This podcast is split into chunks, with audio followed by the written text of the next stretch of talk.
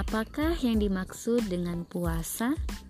Dalam Al-Quran, puasa disebut dengan saum atau syam. Maknanya menahan. Maksudnya, menahan diri dan nafsu dengan niat karena Allah Subhanahu wa taala dari segala yang membatalkannya, mulai dari terbit fajar sampai terbenam matahari. Simbol pengendalian nafsu. Mengapa Allah Subhanahu wa taala mensyariatkan puasa kepada kaum muslim bahkan kepada kaum-kaum sebelumnya? Manusia adalah makhluk yang dikaruniai nafsu oleh Allah Subhanahu wa taala untuk dikelola secara baik.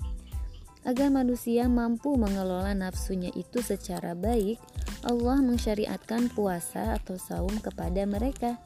Puasa merupakan simbol pengendalian nafsu dalam agama Allah. Seorang muslim yang melaksanakan puasa menandakan bahwa dia orang beriman dan penuh syukur. Dia juga merupakan seorang muslim yang tangguh berlatih kedisiplinan, menahan nafsunya, pribadi penyabar, dan pribadi penyayang kepada orang-orang papa. Secara fisik, dia akan hidup dalam kondisi tubuh yang sehat. Secara ruhiyah, dia digolongkan oleh Allah menjadi bagian dari orang-orang yang kelak mendapatkan gelar mutakin, yaitu orang-orang yang bertakwa.